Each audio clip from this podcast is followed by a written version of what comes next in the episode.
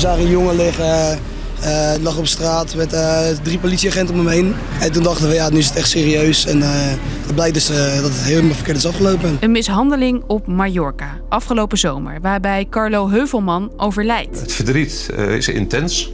En ja, uh, het is natuurlijk niet, niet, niets hè, als je je zoon verliest op 27 jaar leeftijd. Inmiddels lijkt de zaak tegen de verdachte vorm te krijgen. Maar de vraag is wel, is er genoeg bewijs?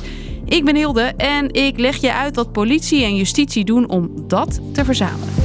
Lang verhaal kort. Een podcast van NOS op 3 en 3FM. Juli vorig jaar.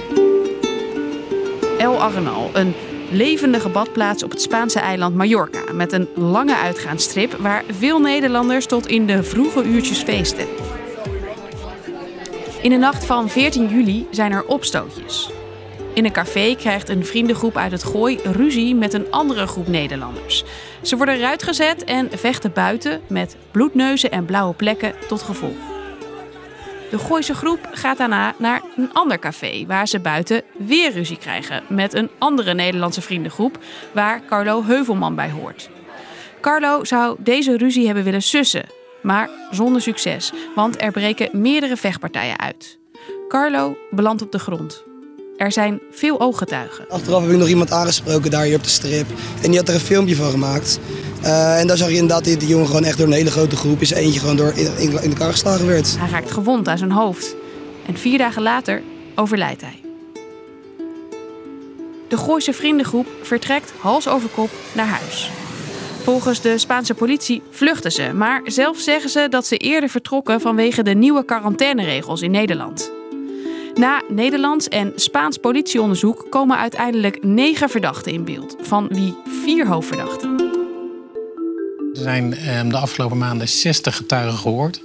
Eh, meer dan duizend pagina's verklaringen van die mensen. Tijdens de eerste rechtbankzitting vorig jaar komt een aantal verdachten voor het eerst aan het woord. Ze bekennen bij meerdere vechtpartijen betrokken te zijn geweest. Maar ze ontkennen allemaal dat ze Carlo hebben geschopt of geslagen. Hebt u Carlo geslagen of geschopt? Nee.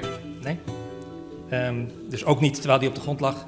Nee. En ook niet tegen zijn hoofd? Nee.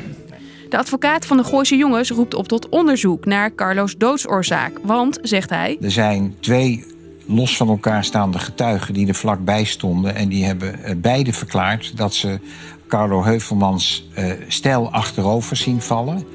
Uh, en dat hij met zijn, een van de twee zegt, hij uh, klapte met zijn hoofd op de stoeprand. De ander heeft hem zien vallen en die zegt hij klapte met zijn hoofd op de grond. Was haar waarneming. Dat is belangrijk voor de straf die de verdachten kunnen krijgen als ze worden veroordeeld. Volgens het Openbaar Ministerie staat vast dat Carlo tegen zijn hoofd is geschopt en daardoor is overleden. Dan is er sprake van doodslag. Is hij op zijn hoofd gevallen en daaraan overleden, dan is er sprake van mishandeling met de dood tot gevolg. En de straf daarvoor is lager. De zoektocht naar de dader is een zoektocht naar bewijs. Maar hoe wordt dat verzameld? Dat gebeurt op veel verschillende manieren. Er zijn volgens het OM stapels met getuigenverklaringen uit Spanje. Er zijn meteen vijf tolken dag en nacht mee bezig geweest. De politie zoekt ondertussen door naar nieuwe getuigen. Vakantiegangers die wij nog niet hebben gesproken, maar die wel mogelijk over belangrijke informatie beschikken. Op het moment dat er een hoofdverdachte in beeld komt, wordt er bij diegene thuis bewijs verzameld. Telefoons meenemen, schoenen meenemen, kleding die ze droegen. Op de schoen van de belangrijkste verdachte, Sanil B, blijkt DNA te zitten van Carlo Heuvelman.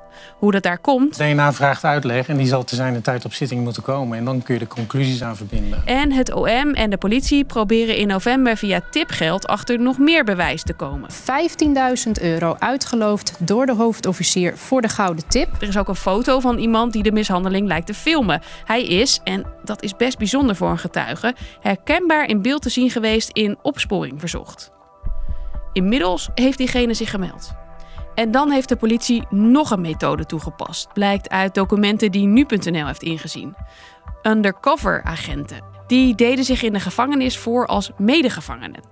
Allemaal in de hoop dat Senil B. zou gaan praten. Enigszins verbaast mij dat wel. Dit is strafrechtadvocaat Bob Kaals. We vroegen hem hoe bijzonder dat nou is. Undercover agenten in zo'n zaak. Dat is een bevoegdheid die de officier van justitie heeft. En die wordt eh, wel vaker gebruikt in ernstige uh, geweldszaken, ernstige zedenzaken, uh, ja, zaken rond georganiseerde criminaliteit. En nu dus rond de zaak op Mallorca. De vraag is wat dat zegt over het bewijs dat het OM tot nu toe heeft verzameld. Je moet heel terughoudend zijn in het duiden daarvan. Maar het zou erop kunnen duiden uh, dat men toch uh, grote onzekerheid heeft. Dat men heeft gemeend om dit middel te moeten inzetten. De zaak rond Carlo Heuvelman duurt waarschijnlijk nog maanden. Het Openbaar Ministerie hoopt dat daarna helemaal helder is wat er is gebeurd. Kijk, dit is nou typisch zo'n zaak. Als daar geen duidelijkheid in komt, dan eindigt hij niet. Dan kan hij wel eindigen met een uitspraak. Maar als er een soort van onduidelijk blijft wat er precies gebeurd is, blijft dat altijd uh, spoken.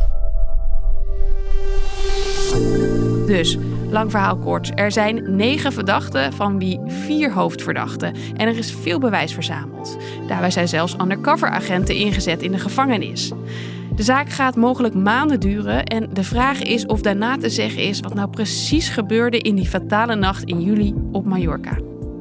Dat was hem weer voor nu. Morgen hebben we weer een nieuwe aflevering voor je. Bedankt voor het luisteren. Doei!